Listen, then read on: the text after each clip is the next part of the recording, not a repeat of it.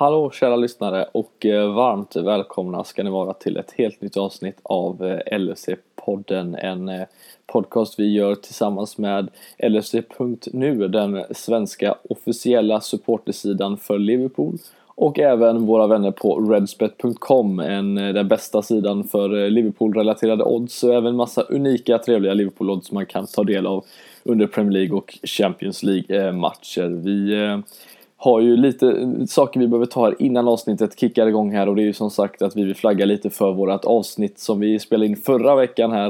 Eh, eller i mitten av veckan ska vi snarare säga tillsammans med eh, Erik Niva som ni hittar gratis på våra kanaler som tidigare kanske varit ett podd medavsnitt men nu känner vi att ni förtjänar att få höra även detta fina och trevliga avsnitt. Eh, eh, ja, för de trogna lyssnare som har lyssnat tidigare såklart då. Så att det är ett riktigt, riktigt roligt avsnitt för er att lyssna på eh, som talades upp inför Tottenham. Men eh, som sagt, det är mycket, mycket annat roligt eh, som, som finns därifrån Erik som eh, definitivt är värt att lyssna på. Och vi har ju dessutom också en Champions League-resa tillsammans med CL-podden eh, mot, eh, som vi åker och ser mot Napoli.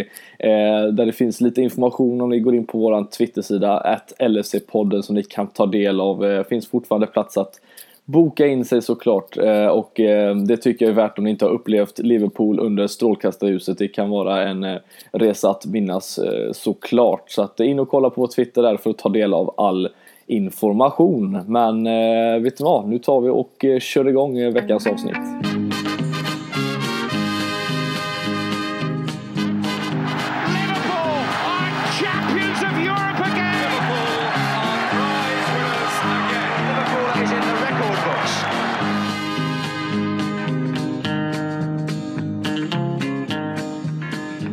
Ja, då sitter vi här igen eh, ytterligare en gång efter en vinst. Det är ju femte raka vinsten här nu för Liverpool och det är fantastiskt skönt att kunna sitta och podda när, när allting blåser i, åt rätt håll. Eh, fast vi har suttit här många gånger och poddat när det har blåst åt andra hållet också. Det har vi ju tidigare gjort när det mött Tottenham, men nu blir det lite annorlunda den här gången så att eh, i det här avsnittet kommer jag tillsammans med Kalle som jag ska välkomna in alldeles strax. Vi ska ju diskutera den här Tottenham-matchen som spelades i, igår eh, lördagstidigt och eh, även snacka upp såklart inför kommande stormöte på Anfield mot PSG i Champions Leagues första omgång så att eh, Ja, Kalle, nu när du har hört det välkomnandet, det känns, känns rätt eh, positivt att sitta och prata Liverpool nu för tiden.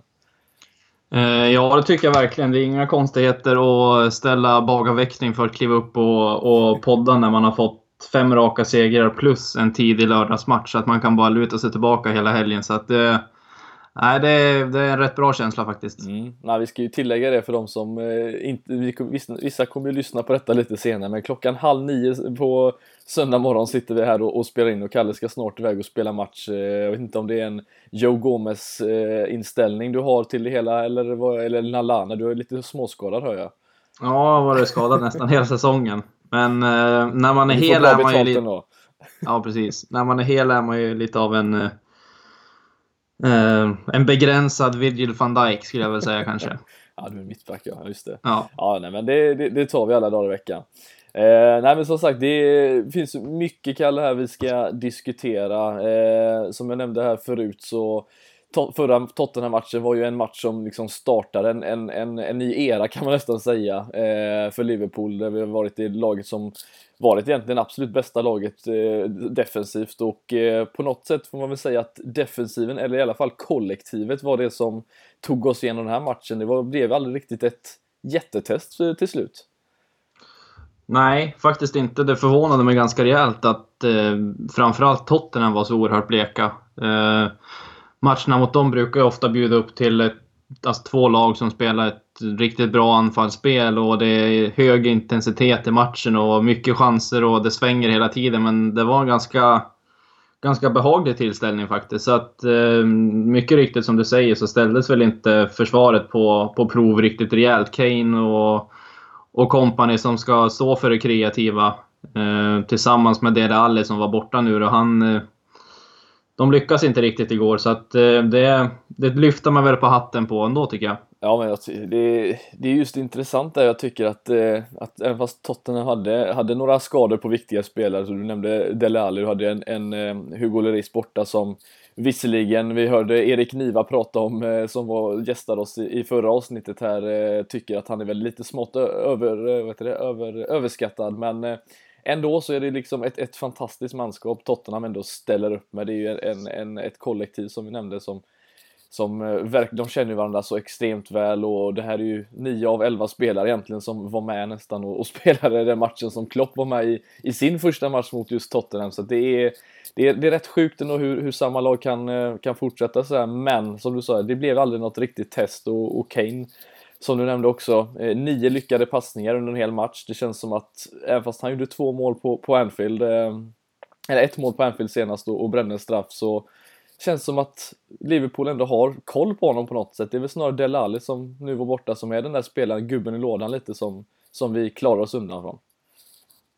Ja, men precis. Det, alltså, min känsla är egentligen att eh, nu, nu, kan jag ju missgå mig helt, men känslan är att Harry Kane inte... Han och den typen av anfallare som han är, missförstå mig rätt, men kanske Lukaku och de här lite ändå större fysiska mm. forwardsen. Jag tycker ändå att vi har en, en tendens att hålla dem undan i matcherna ganska bra. Och det tycker jag vi har gjort under en längre tid.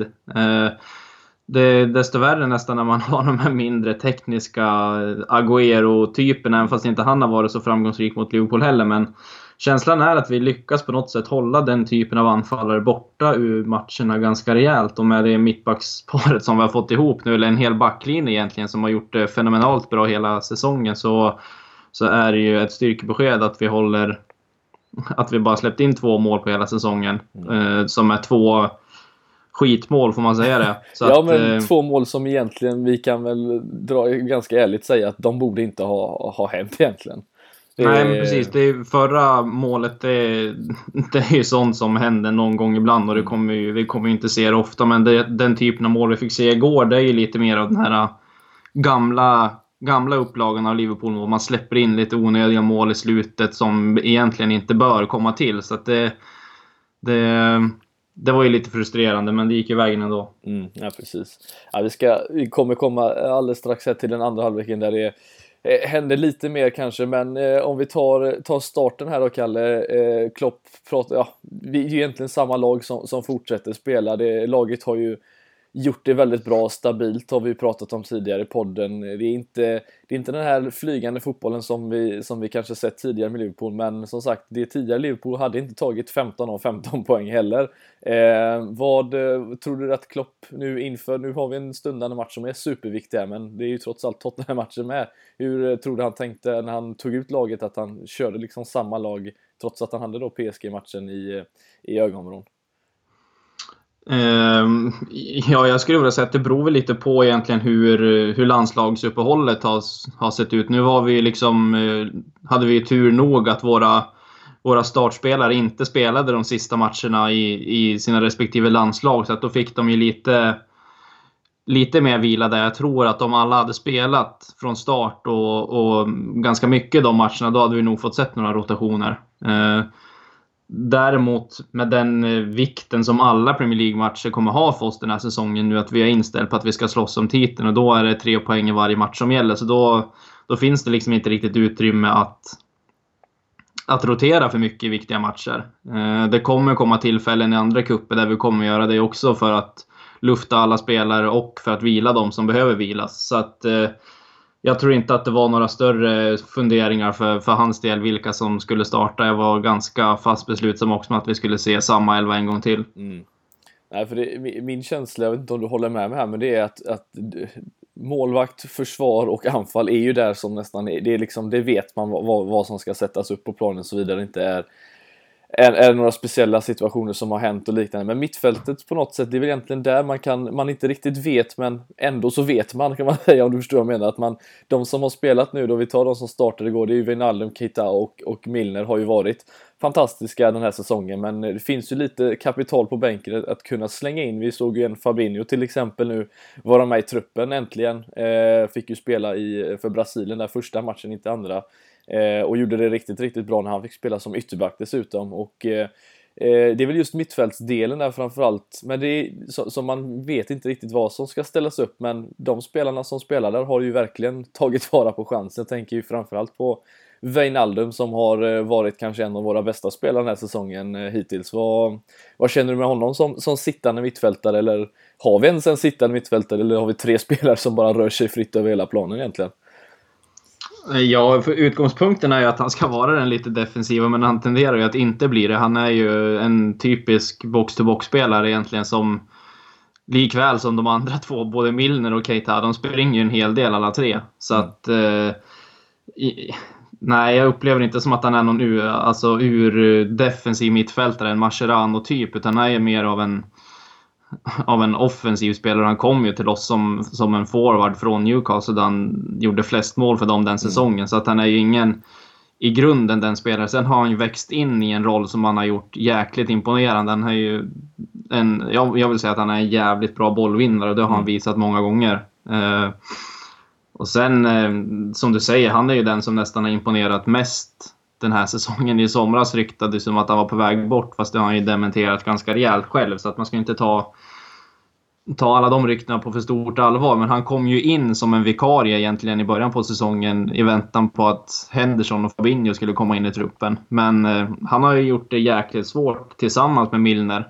Eh, att släppa in någon annan i laget. Och det mm. låter ju konstigt att säga det, men den som ska vara närmast att kliva av planen rent prestationsmässigt är ju Keita och det tror jag inte heller kommer att hända tyvärr. Så att, um, vi har nog eh, ett ganska ordinarie mittfält just nu skulle jag vilja säga. Sen kommer ju som sagt både Fabinho och Henderson varvas in så mm. framöver. Så att det, eh, det kommer nog vara lite lite rullians på det där mittfältet. Men det vi har sett från den här trion hittills, framförallt Milner och, och Wijnaldum är ju helt fantastiskt. Jag slutar aldrig imponeras av James Milner, att han vid den här Nej. åldern fortfarande håller som fruktansvärt hög kvalitet. Nej, precis. Nej, det, men det, jag vet inte om du känner du att, att Klopp har hittat någon annan typ av, alltså det är fortfarande ett typiskt 4-3-3 system vi fortfarande eh, spelar på, även fast jag inte gillar att kanske gå in jättenoga på, på formationssiffror på det sättet, men i, med det här liksom dynamiska mittfältet, känner du att han har en annan typ av spelidé nu? För det blir ju inte den här typiska som när Henderson kommer in då, eh, även fast det, han, han är ju kanske lite mer begränsad än vad Wijnaldum är rent upp och ner mässigt i, i teknikmässigt och allt sånt där. Men känner du att du får en annan typ av, av, av uppbyggnadsspel, en annan, eh, liksom, annat spelsätt när vi, när vi kör det här dynamiska mittfältet snarare än det lite mer statiska om man får kalla det så? Ja, alltså med tanke på att de alla tre egentligen är så fruktansvärt löpstarka så blir ju inte man så fruktansvärt beroende av den här eh, typiska sittande mittfältaren. Eh, i och med att någon av dem kommer alltid vara där. Ofta är det ju Wijnaldum. I och med att han eh, utgår från den lite centrala rollen så kommer ju Milner och Keita från, från respektive kant. Så att det är ju som du säger ett dynamiskt mittfält som ger oss mycket mer spelalternativ tycker jag än när man har till exempel en Henderson som också är en fruktansvärt löpstark spelare. Det ska man inte glömma bort. Men han tenderar ju ofta att bli, bli den som ligger lite lägre och ska styra spelet. Det har ju varit hans roll de, de senaste säsongerna. Tyvärr, ska jag säga, för att jag tycker att han är en mycket bättre spelare när han får spela i den positionen han gjorde för fyra år sedan, fyra, fem år sedan, 13-14 där. Då, då var han helt, helt briljant i den positionen också. Det är många som glömmer bort det. Ehm, så att det, det tycker jag verkligen. Man får ju inte... Och sen ska man säga att det är ofta en lek med siffror här. Man spelar 4-4-2 eller 4-3-3 för att det är ju...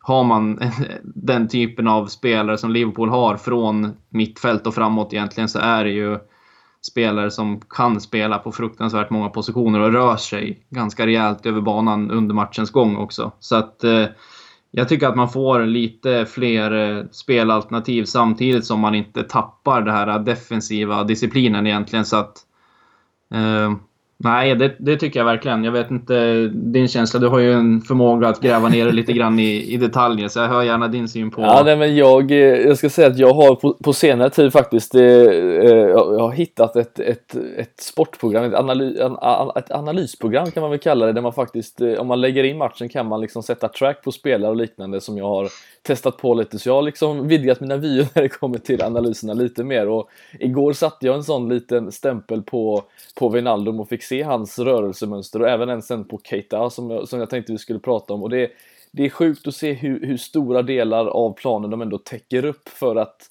de ser ju inte säkert, det, det, känns som att de fort, kan fortsätta fortsätta springa hela tiden och eh, de båda liksom jäm, ja, de byter av varandra på ett, på ett fantastiskt sätt får jag ändå säga. Keita var ju framme igår och hade väl en två, tre lägen som han, ja, i alla fall ett, ett, ett, två lägen som han avslutade kunde liksom blivit mål och det, ja, det är kul att se hur, hur flexibelt mittfältet blir och jag gillar ju när vi har ett eh, mittfält där alla tre kan vad ska man säga, bidra med samma grejer egentligen. Att det, inte är en, det, det är lättare att, att förutse ett lag som, som har de här liksom, typiska mittfältsrollerna. Så att jag, nej, jag, jag gillar det, det skarpt faktiskt och Wijnaldum tycker jag har varit eh, briljant faktiskt den här säsongen. Eh, bättre, bäst av de tre i alla fall och eh, nu fick han ju dessutom, Kalle, göra sitt första bortamål i Premier League. Det tog honom 55 skott i, innan men eh, nu äntligen så är han på, ja, kan han titulera sig som bortamålsskytt för en gångs skull.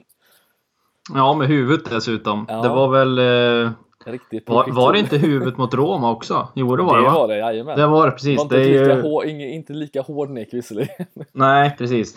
Nej, men det, det är ju fantastiskt såklart. Han har ju, han har ju inte gjort speciellt mycket mål egentligen under sin Liverpool-karriär, men eh, de få han har gjort har ju varit de få han har gjort har ju varit på hemmaplan och ofta väldigt viktiga. Jag kommer ihåg när vi var där sista matchen på på säsongen. Är det för två säsonger sedan när Wijnaldum säkrade topp 4 i den matchen för oss. Precis, eh, precis Middlesbrough var det. Så att eh, han har ju gjort en, en, hel, del, en hel del viktiga mål. Eh, och det unnar man honom verkligen för att han är den typen av spelare som tar så fruktansvärt mycket löpningar och ofta kommer in i boxen, eller åtminstone runt boxen.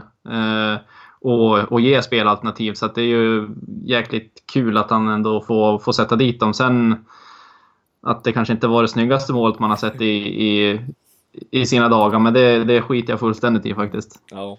Nej, men vi kan väl säga så att det, jag, jag kan väl inte riktigt komma på senaste gången vi gjorde två så fula mål i en och samma match eh, som det ändå blev den här gången. Men på något sätt alltså, att, att det studsar med en på rätt, rätt sätt där. Att Wijnaldum, att det är några centimeter över, eller hela bollen är inne visserligen med marginaler, men att man att målvakten inte, eller Form i det här fallet, inte får upp henne tidigare eller att han i det här fallet då inte greppar om bollen på Firminos eh, läge där som han, han gör 2-0 på. Det är, man får ju ha de marginalerna med sig ibland och jag tycker inte riktigt att vi vi har inte haft det Kalle tidigare, men nu känns det som att det har studsat med åt lite den här säsongen. Ja, eh, det är ju verkligen känslan att man... Det, det är oftare har studsat fel. Eh, sen, eh, sen kan man ju säkert vara jävligt enögd i den frågan också. Tänker man efter så har man ju haft, haft en och annan medstuds med sig, men det håller jag med om. Så att det är väl talsättet att bra lag har tur börjar väl ändå visa sig ha någon form av sanning. Så att det hoppas att vi fortsätter vara bra då, så har vi lite mer tur. Nej, men precis. Ja, vi, har ju, vi, vi nämnde ju hur, hur bra mittfältarna har varit och, och försvarslinjen har vi ju egentligen pratat om rätt mycket den här säsongen. Jag tycker väl att Joe Gomez kan, kan vara värd att nämna igen som enligt mig, eh, om inte jag har glömt bort någon annan, vi får se vad du tycker, återigen bästa spelaren på planen egentligen. Han eh, sätter kanske bara foten en gång fel och det var väl på Moras eh, lägen han sköt i stolpen, men annars är han ju fläckfri återigen och i den här matchen vinner han ju alla sina luftdueller. Eh, såg att han statistik på att han vann tillbaka bollen nio gånger och lyckades med tre rensningar som hamnade i, i, i att Liverpool-spelare fick bollen efter rensning och det, det känns som att han från klarhet till klarhet hela tiden, Kalle. Det, det är liksom, taket bara höjs på honom hela tiden. Han kan bara bli ännu bättre.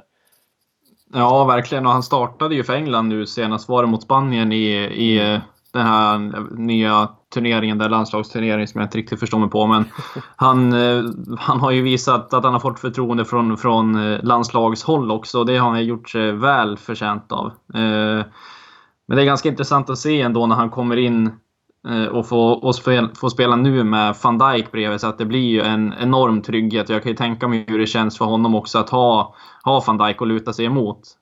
Och han på något sätt tillåter ju det honom att spela ut sitt spel. Att han behöver inte vara så fruktansvärt begränsad som om man skulle ha Klavan bredvid sig egentligen. Då är det mer eller mindre bara att få bort bollen mm. från straffområdet och minska faran. Men nu kan han spela ett spel, kanske ta några av de här äh, riskerna. Jag såg en, en kort sekvens på det.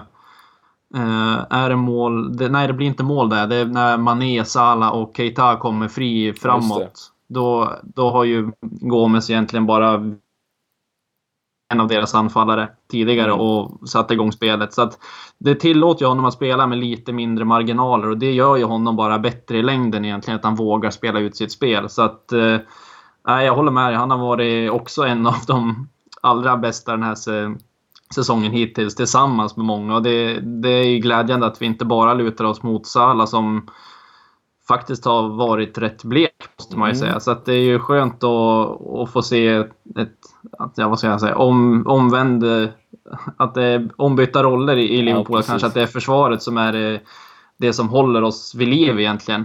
Förut har det ju varit att vi har kunnat släppt in två bollar framåt, men vi vet att vi har gjort fyra. Och nu håller vi tätt bakåt och vinner egentligen med uddamålet i, i några matcher. Så att det är ju...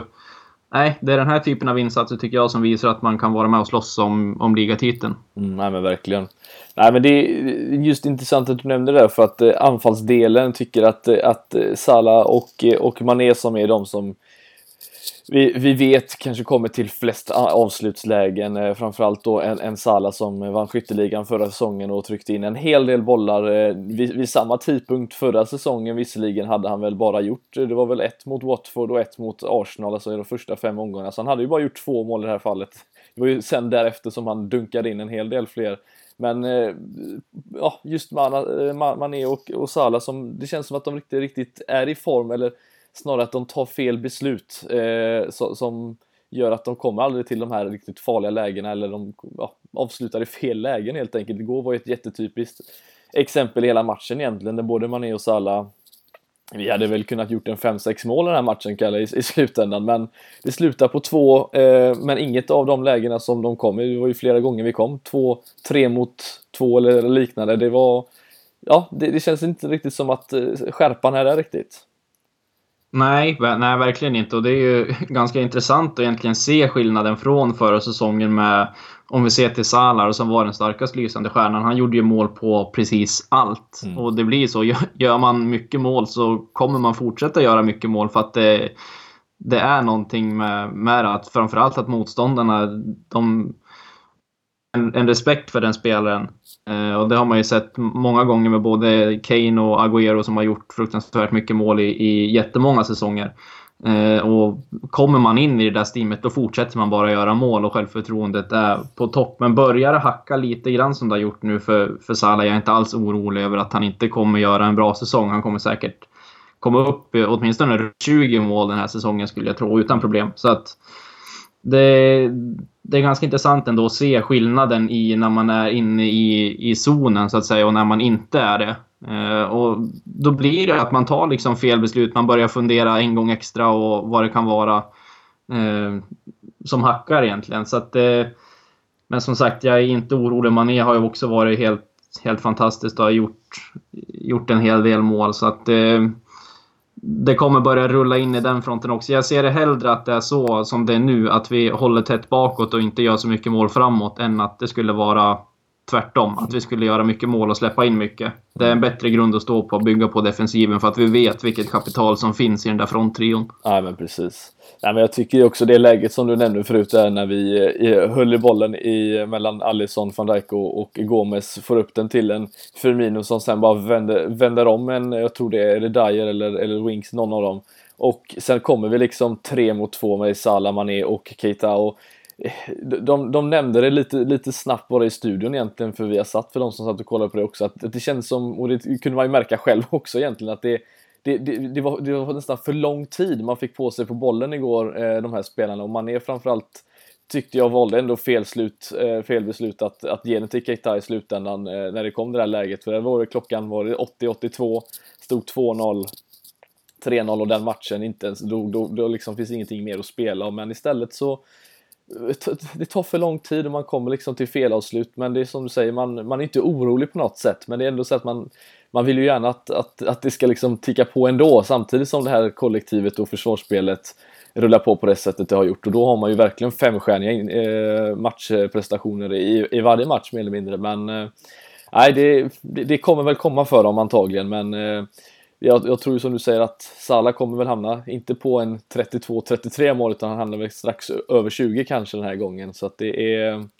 Ja, vi får väl se vem som blir toppmålskytt. Jag tror väl visserligen Mané är den som gör flest den här säsongen, men eh, Det är ganska intressant att se ändå. Jag tänkte på det igår att respekten för Sala finns ju kvar där. Mm. Det finns ju en sekvens när han uh, drar sig ut mot kanten tror jag och det är undrar om det är för Fertongen, ja. Mot Sala där egentligen. Och lämnar en enorm yta när han kan slå den bara snett framåt mot Wijnaldum och det mm. skapar enormt mycket yta. Så att det finns fortfarande en jäkla respekt för Salah bland motståndarna och de sätter ofta två gubbar på honom. Vilket passar oss alldeles utmärkt egentligen när vi har så otroligt mycket anfallsalternativ för att det skapar jättemycket ytor för de andra spelarna. Så att eh, det, han, han drar åt sig onödigt mycket försvarsspelare från motståndarlagen. Så att det, det kommer nog ge oss en hel del ytor som resulterar i mål också. Ja, men det, det tror jag säkert. Jag, jag, vet inte, jag vet inte om jag föredrar egentligen det heller. Jag tycker, eller jag, jag, jag tycker att man är en bättre en mot en spelare. Så att egentligen är det väl kanske bättre att, att låta han vara lite mer fri än Salah i det fallet. Så att jag, jag, jag tar det alla dagar i veckan faktiskt. Sen om de byter, byter roller därefter, det får vi skitsamma för då kommer ju Salah i mål istället. Så att det Nej, jag tror att det, det, kan bara bli bättre, Kalle. Fem av fem möjliga, det, det känns ju fantastiskt. Men eh, eh den, den tredje Amigosen eh, där uppe då, som sagt, Firmino, han åkte ju på en, en liten otäck ögonskada. Jag vet att det är bilderna som har florerat på nätet lite senare, de tagit precis när Fertongen får in sitt finger i ögat. Det ser ju inte lika illa ut när man bara kollar det så här snabbt, för det känns som att han flickar till ögat, men han ser ut att gräva ganska djupt där inne faktiskt och vi hoppas ju att Firmino är okej okay, och det verkar ju vara så i alla fall, Kalle, men eh, eh, ja, det, när, när, han går ut då blir det ju lite annat ändå. Eh, spelmässigt såg ju en Keita fick ligga som ensam anfallare ett tag där innan, innan eh, Sturridge byttes in, men eh, Firmino verkar ju vara okej. Okay. Det känns ju rätt skönt att veta i alla fall. Ja, absolut. Det det, skulle det är farligt ju, det där med ögonskador. Ja, det skulle ju kunna bli en, alltså att han är borta ett tag. För att ta det illa så, nu är ju inte jag någon optiker, men jag kan ju bara tänka mig att, eh, att det kan ju bli lite skada på ögat om man nu skulle lyckas träffa mm. fel, om man säger. Så att... Eh, sen som du, som du säger, den där bilden är ju tagen precis i den sekvensen. Ser man det i action så ser det ju inte alls speciellt farligt ut måste jag säga. Då såg mm. den nästan ut som att det var, inte en filmning, men Nej. Nästan. Det var ju det som var... Markovic åkte ut, fick rött kort. Var det mot Basel? Han pillade till lite i ögat. Nu fick du Ja, det var ju hårdingen Berang Safari som undrar, undrar hur det är med det där i ögat. Ja, eller vad fan han det, det kan inte vara bra än. Nej, precis. Nej, men det jag hoppas att han såklart är okej. Det är aldrig kul att, att, se en sån. Men det känns som att man, en, liksom ett benbrott kan man komma tillbaka från. Men det, tar det riktigt jävla illa så, och synen försämras på det sättet som det ändå såg ut att det potentiellt skulle kunna göra. Då, då kan, kanske man inte är sig lik igen. Eh, ser inte allting på samma sätt. Det, vi hoppas att det det bara var en, en liten, att han inte träffar allt för illa i alla fall. Så att, eh, det är skönt Rapporterna han... säger ju att det inte ska vara någon Nej. större fara. Att Nej. det bara är liksom ett eh, sår, eller vad man ska säga, som börjar blöda. Så att det är ingenting i ögat som är, som är skadat. Så det är ju glädjande. Annars ju... hade ju Firmino med Edgar Davids glasögon varit en fröjd för ögat att se. ja, det hade han varit. Skulle bara skaffa ut lite, lite frilla också så ja. hade det varit jäkligt fränt. Nej, magiskt. Nej men som sagt, den här matchen var ju en, eh, en eh, enligt Klopp får jag ändå säga också som efter matchen var ute och pratade om, om den och han tyckte att detta Kalle var våran bästa match för säsongen eh, faktiskt. Är det något du håller med om? Eller vad tror du han, syftar han på liksom att vi håller ett, ett topplag liksom på, på rätt sida, att de aldrig liksom kommer aldrig så här supernära eller var det en sån här mästerprestation som man, som man pratar om? Nej, det tycker jag väl inte egentligen. Då tycker jag snarare att Pallas borta är en bättre insats. Alltså om man ser det till, inte spelmässigt, men att man får med sig det resultatet från en, en relativt blek insats. Jag tycker inte att vi är speciellt bra igår heller faktiskt, om jag ska vara riktigt ärlig. Vi ska vara jäkligt glada att Tottenham hade en, en dålig dag på jobbet. Sen eh, såklart att man håller ett, ett topplag och en av Englands, mm, ja, tillsammans med oss och City och målgladaste lag eh, undan i ja, 90 plus minuter och släpper in ett mål där. Det är ju klart att det, det är ju också en bra insats i sig. Så det beror ju på hur man ser på det. Men rent spelmässigt så kanske det inte var någon, någon 5 plus insats så. Men vad fan, vinster är vinster eller vad, vad säger du? ja, nej men det är det och det är, det är som, som, du säger också att det var, jag tyckte att andra halvleken var väl visserligen bättre än den första. Jag tycker att vi eh, vi, vi kom ur deras press på ett bra sätt. Det får vi ändå ge, ge, ge spelarna och det kändes som att de var aldrig riktigt, riktigt nära, det var bara Moras egentligen stolpskott som var riktigt, riktigt farligt. Sen därefter var det inte så, så jättemycket mer.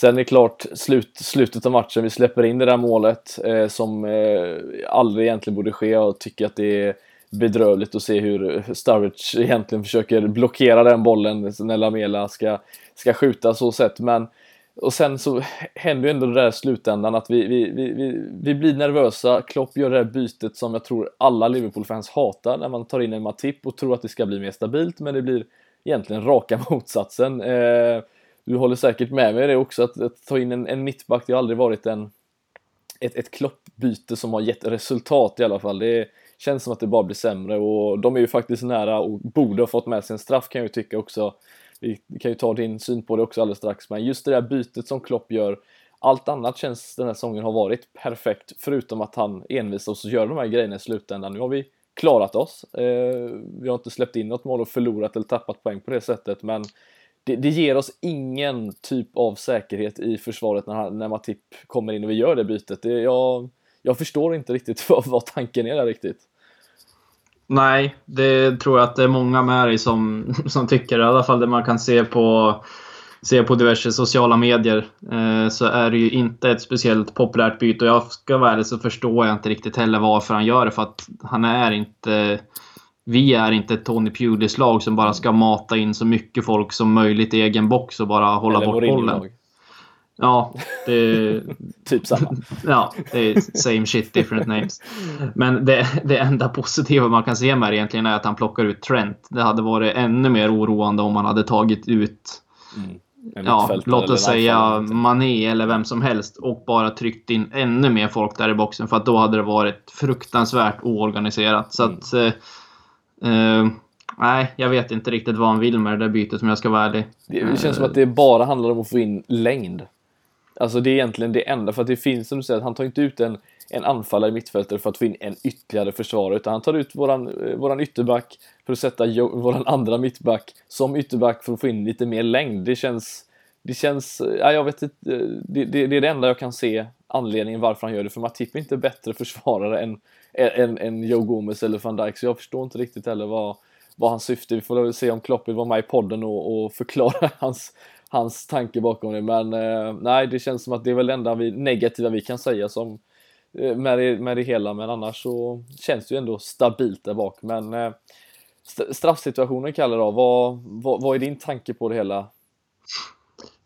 Ja, fram tills du skickade en länk till mig här för någon timme sedan så var jag fast besluten om att det inte var straff. Eh, jag tyckte att det var bara en liten, eh, en liten touch på, på sån där som som gör att han tappar balansen i skottmomentet helt enkelt. Men sen eh, när man ser ur en annan vinkel här så, så måste jag väl ändå kunna erkänna att det, det, bör, det bör kanske vara straff. Mm. Och det tycker jag ändå att man ska kunna säga. Det är klart att man är glad som fan att det inte är straff. Men eh, man bör ändå kunna säga att det kanske ska vara straff. Mm. Nu blev det ju inte det, så då är det ju ingen mening egentligen att spekulera. Men Nej, det, det kanske borde vara straff, det, det, tycker jag. Ja, alltså jag tycker det här exemplet, nu, nu vill jag inte älta gamla grejer, men jag tycker att det här Eh, exemplet är så perfekt att kunna jämföra med det som hände på Anfield just eh, förra säsongen när Lamela blir eh, i situationstecken nersparkad av van Dijk. Alltså där pratar vi, eh, eh, vi pratar två väldigt lätta toucher men som ger eh, olika liksom, situationer sett till att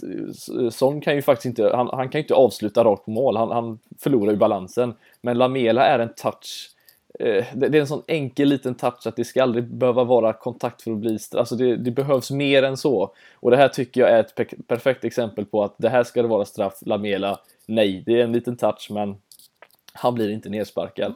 Så att jag, jag tycker också att det här är straff och vi ska vara jävligt glada att att det inte blir det för att vi vet ju att Kane visserligen missade en förra säsongen men satte en. Det är 2-2 där och det känns som att hela säsongen är förstörd på något sätt trots att det är så pass tidigt. Ja, nej, det håller jag med om. Den, den straffen på Lamela förra säsongen, den tycker jag är rent av larvig faktiskt. Eh, men däremot här när han får en Oavsett om det är en tvåfotstackling, tvåfotstackling eller någon form av touch bara i själva skottmomentet som gör att han tappar balansen så då bör det ju kanske vara straff. Mm. Sen måste man väl få passa på att rikta lite hat mot Lamela också. Jag tycker han är en riktig jävla skitspelare. Alltså för att han är den typen som man inte vill ha in i ett straffområde Nej. på tilläggstid. För att jag har aldrig sett en sån yvig fotbollsspelare någons, någonsin. Han, vet, han har knappt koll på grejerna själv. Så att det finns ju en extremt stor risk att, det, han, att han drar på sig en straff där. Mm. Så att... Eh, nej, han gillar vi inte. Nej, han gillar vi inte. Det kan vi konstatera här och nu. Ja, det får bli eh, antingen jag är ingen optiker eller vi hatar Lamena. Något av de rubrikerna får det vara. Det är från Kalles citat den här podden. Det, det får vi se om det blir något av det. Men eh, nej, vi som sagt fem av fem möjliga i alla fall Kalle. Vi lägger väl ett lock på den här matchen men säger att vi är Eh, för att vara väldigt nöjda med vad vi har sett av Liverpool och eh, det stora testet som skulle ha varit nu mot Tottenham, det kommer väl istället nu på tisdag istället då och det när Paris Saint-Germain gästar Anfield och eh, här snackar vi ju målgaranti och stormöte utan dess like, Kalle. Vad, eh, vad är dina känslor nu inför eh, tisdagsmatchen? Eh, bara bra egentligen. Jäkligt kul att ha, ha Champions League tillbaka från den resan vi fick vara med om förra säsongen. Mm. Så är det ju extremt kul att, att, eh, att vi är tillbaka in i Champions League igen. Eh, jag tror att det kommer bli en betydligt tuffare resa den här säsongen, tyvärr. Men eh, det är fortfarande jäkligt kul att ändå vara tillbaka i Champions och vara det med besked egentligen. Från att ha nått finalen förra säsongen. Så att vi är ett av lagen nu som de flesta kommer att vara lite skakiga för att möta. Och även om i mina ögon så är kanske PSG tillsammans med City och några av de andra giganterna är de stora favoriterna. Jag tror att både PSG och City framförallt kommer göra allt för att gå långt i, mm. i Champions League. Det är det som liksom saknas i deras vad ska man säga, deras bygge. Så ja. att eh, PSG kommer nog vara en av dem som går riktigt långt den här säsongen tror jag. Så att, eh, Nej, det blir en värdemätare på tisdag. Ja, nej, men det, det ser man också lite. De spelade här i helgen mot saint Etienne och eh, var väl, eh, rullade ut dem ganska ordentligt. Så det blev 4-0 till slut och eh, Neymar på, på, på läktaren tillsammans med Mbappé som visserligen är avstängd. Så båda, båda vilas inför matchen på, på Anfield, vilket säger en hel del också att de ska kunna lufta sina två bästa spelare, eller inte, de behövs inte i alla fall men de kan köra över eh, ett, ett trevligt motstånd på, i, i Ligue trots allt på hemmaplan. Och, eh, men det kommer bli annorlunda nu Kalle, det är inte ett, ett sånt ett igen utan eh, vi, vi pratar ett lag med den fronttrion vi har med en ny målvakt som visat sig vara en, eh, en målvakt som man kan lita på plus det mittfältet och försvaret som har varit så stabilt så att det kommer bli ett helt annat eh, annan, eh, andra förutsättningar för, för PSG här. Vad, vad känner du om du räknar, om du tar det från Liverpool-ögon här, vad, vad, borde de vara oroliga för? Är det de här magiska kvällarna på Anfield som de inte har fått känna på än? Ja, dels det framförallt för att eh, man ska inte underskatta den effekten som, som den eh, kanske historien har och de som har varit på Anfield på en Champions League-kväll när det är en stor match vet att det det fullkomligt kokar inne på Anfield då. Det, jag kan ju bara tänka mig hur jäkla motiverande det är för, för Liverpool och säkert motiverande för motståndarlaget också, men ändå på något sätt lite skräckenjagande kan jag tänka mig. Uh, så att uh, det, vi ska vara rädda för samma saker egentligen. Det är ju de fruktansvärda anfallskrafterna som finns i, i båda lagen. Uh, så har inte vårt försvar ställts på prov riktigt än så kommer de framförallt få göra det på, på tisdag. För där har vi framförallt fruktansvärt mycket fart i Mbappé och en teknisk briljans i Neymar som kanske inte liknar någonting annat. Sen får man kanske hålla igen lite på, på ja, antingen sänka Neymar rejält eller bara ta det försiktigt för annars kommer han nog ligga, ligga ner ganska mycket kan jag tänka mig. Ja. Och då, då blir det livat på Anfield, det vill jag lova. På tal om Erik Lamela, men eh...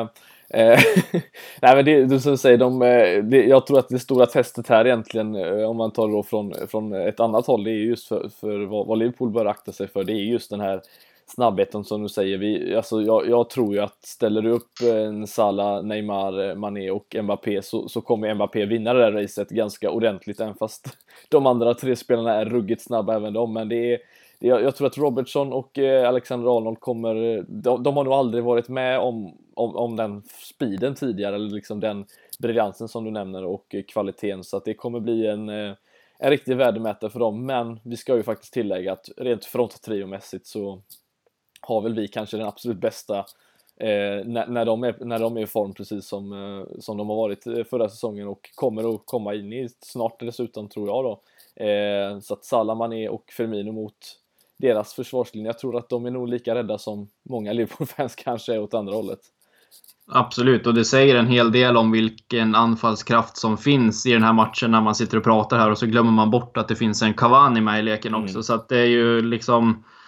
Det är två lag med kanske ja, Europas hetaste anfallsuppsättning egentligen. För att Mbappé, Neymar och Cavani, det, det är ingenting man skojar bort heller faktiskt. Så att det, nej, det ska bli en jäkligt intressant match. Att jag tror att det kommer bli Nej, det kommer bli underhållande, det, det tror jag. Ja, det, är, det är ju utan tvekan gruppspels, eh, gruppspelets eh, bästa match på, på förhand i alla fall. Eh, det kan vi väl vara ganska överens om. Jag tror inte det finns någon annan gruppspelsmatch som är så här eh, upphypad, men som det känns som att det kommer bli en riktig jävla fart och fläkt på. Eh, men jag tänker lite säkrare, tror du, tror du Tuchel nu då som tränare för, för eh, PSG, tror du han har en lite mer defensiv approach. Han, eh, han har ju lite dåliga minnen av att just träna ett lag på Anfield i, i Europacup-sammanhang. Jag tänker framförallt på Dortmund-matchen när de åkte ut där när vi gick vidare 4-3 matchen. Eh, eller tror du han ställer upp med liksom ett, ett äh, attackerande lag eller tror du han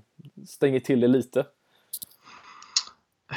Ja, alltså det, det, är svårt att säga. Jag, jag ska vara ärlig och säga att jag tittar inte speciellt mycket på franska ligan. Jag tycker att den är ganska ointressant. Så jag ser inte PSG mer än de gångerna det är något riktigt toppmöte i Champions League. Och de har väl en inställning lika som oss egentligen, att det ska vara en anfallsinriktad fotboll med ett mittfält som jobbar oerhört hårt.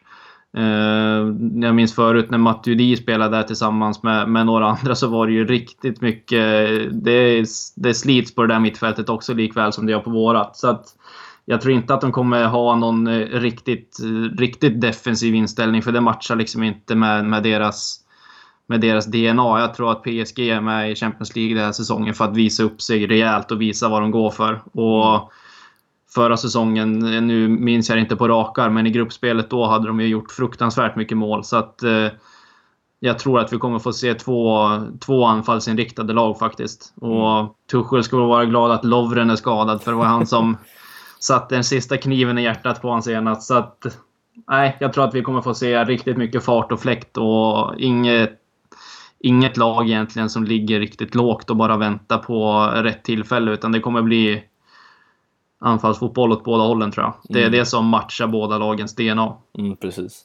Och om man går efter ryktesväg kanske eh, får se en Rabiot som ryktats till Liverpool spela. Han åkte ju dessutom på ett gult kort för filmning eh, i, i, nu senaste matchen så att vi får väl se om det finns lite spelare som lägger sig lite lätt. Jag hoppas att det inte blir en, en, en sån här match där, eh, där liksom domaren hamnar i fokus utan verkligen där det är kvaliteterna på båda lagen som eh, som eh, får vara det som styr spelet. Det är väl inte någonting annat, även fast man är, håller på Liverpool, men rent objektivt är det ju det man vill se, Kalle. En match där det liksom bara, man bara kan njuta, även fast vi vet att vi inte kanske kan njuta som Liverpool-supporter någon gång när man kollar fotboll på samma sätt. Men eh, en bra match, det är väl egentligen det enda vi kan kräva i det här fallet. Absolut. Ganska säker på att vi kommer få en, en bra fotbollsmatch, men sen får man ju se hur, hur resultatet, för på något sätt utifrån resultatet man kommer att analysera matchen sen och, och ge sina känslor. Så att vi hoppas att det är bra känslor. Mm, absolut. Nej men som sagt, vi eh, sitter ju här då som sagt på, på, på söndagen och spelar in detta avsnittet Kalle och eh, vi, vi kommer ju släppa ett avsnitt även på onsdag. Kanske inte med dig och mig men med möjligtvis Danne och Robin som har lovat att de ska ställa upp och snacka ner PSG-matchen här på, på, som spelas på tisdag visserligen och eh, Eh, på onsdag kommer avsnittet att släppas och eh, den här gången Kalle så är det ju lite det är ju ändrat om lite, lite tankesätt här nu hur det ska spelas i, eh, i Champions League. Det är ju en 19, 19 match eller 18-55 match och så en 21 match. Men vi, vi får den kvällsmatchen precis som det ska vara i alla fall. Så det blir kanske en sån här magisk kväll på Anfield som vi, vi, vi efterfrågar. Eh, ja, det, det, hoppas jag verkligen. Det är ju någonting alldeles speciellt med att spela under strålkastarljuset på, på kvällsmatcher på Anfield. Så att, eh, jag ser fram emot det här jäkligt mycket och jag är glad att Jocke Lundberg inte åker på, åker på PSG hemma för att han har något jäkla spöke som följer honom vart än han går. Så att han får hålla det till, till bortamatchen. Jag tror han har lite bättre facit där. Så att vi, vi skickar ut Jocke på runt hela Europa den här säsongen så får han styra, styra det därifrån. Mm, nej men verkligen. Nej, som sagt, vi eh, har vi pratat ner de här två matcherna, eller pratat upp en i alla fall och eh, som sagt, vi flaggar för att det kommer komma ett avsnitt här nu på onsdag och eh, samtidigt som vi ändå pratar Champions League här också vill vi ändå påminna också att om ni inte har missat det så har vi en liten podden Away-resa 2.0 får vi väl kalla det. Vi åker ju som sagt snart om en, en drygt en månad lite till till och kolla Liverpool Cardiff eh, eh, tillsammans med podden här och många resenärer och lyssnare och sen därefter är det ju faktiskt en liten specialresa som det fortfarande går att boka sig till tillsammans med CL-podden mot, eh, där vi spelar mot Napoli eh, i avslutningsmatchen så att eh, in på vår Twitter eh, på LFC-podden eh, och se all information ni kan ta del av där, för det kan också bli en fantastiskt rolig resa om ni inte har varit och kollat på någon sån här Europa-match eh, tidigare, så något vi varmt kan rekommendera. Men annars, Kalle, vi tackar väl för idag och håller tummarna att det går som det gjorde mot Tottenham, fast kanske lite mål, mer mål framåt mot PSG och att vi kan sitta och lyssna på våra kollegor sen snacka ner en vinst även på Anfield. Absolut, och på tal om lyssna. Jag ska, jag ska reservera mig för vad du har dragit här i introt innan, men vi måste ändå i så fall, om du redan har pushat det, så gör jag det en gång till här nu. Vårt avsnitt med Erik Niva mm. som jag påstår är LFC-poddens kanske bästa avsnitt någonsin. Absolut. Så har ni missat det så är det faktiskt ett måste att gå in och lyssna på det. Även fast Tottenham-matchen är förbi så är det en jäkligt intressant och bra stund att, att lyssna på, på vårt avsnitt med Erik Niva för att det är äh, det är riktigt bra. Är man inte nöjd med det så kan jag väl utlova att man kan få en, eh, inte vet jag, en kopp te eller någonting någon gång i Liverpool. Jag reserverar mig för ölen nu. Ja, nej, det är bra. Du har, du har lovat för mycket. Nej, vi kan ju faktiskt säga att det avsnittet, det, även fast det är inför Tottenham så är det faktiskt inte, det är väl, det är väl egentligen 10 eh, uppsnack inför matchen och så är det ju mycket snack runt omkring egentligen de andra 90 procenten. Så att det nej jag, jag håller med vad Kalle säger, det är ett fantastiskt roligt avsnitt att lyssna på. Så att in och kika på det och det ligger ju dessutom under våra gratisavsnitt, inte under bara Podme som vi har kört tidigare med Erik Niva utan där kan ni kostnadsfritt gå in och lyssna på men eh, vi kan väl egentligen säga att det är den här typen av avsnitt som vi normalt sett släpper dessutom på Podme så att är ni intresserade av det så kan ni se all information även där på våran Twitter. Så att eh, nej, gör det och eh, vi hörs igen på onsdag fast med andra röster. Så tack för att ni har lyssnat så hörs vi snart igen.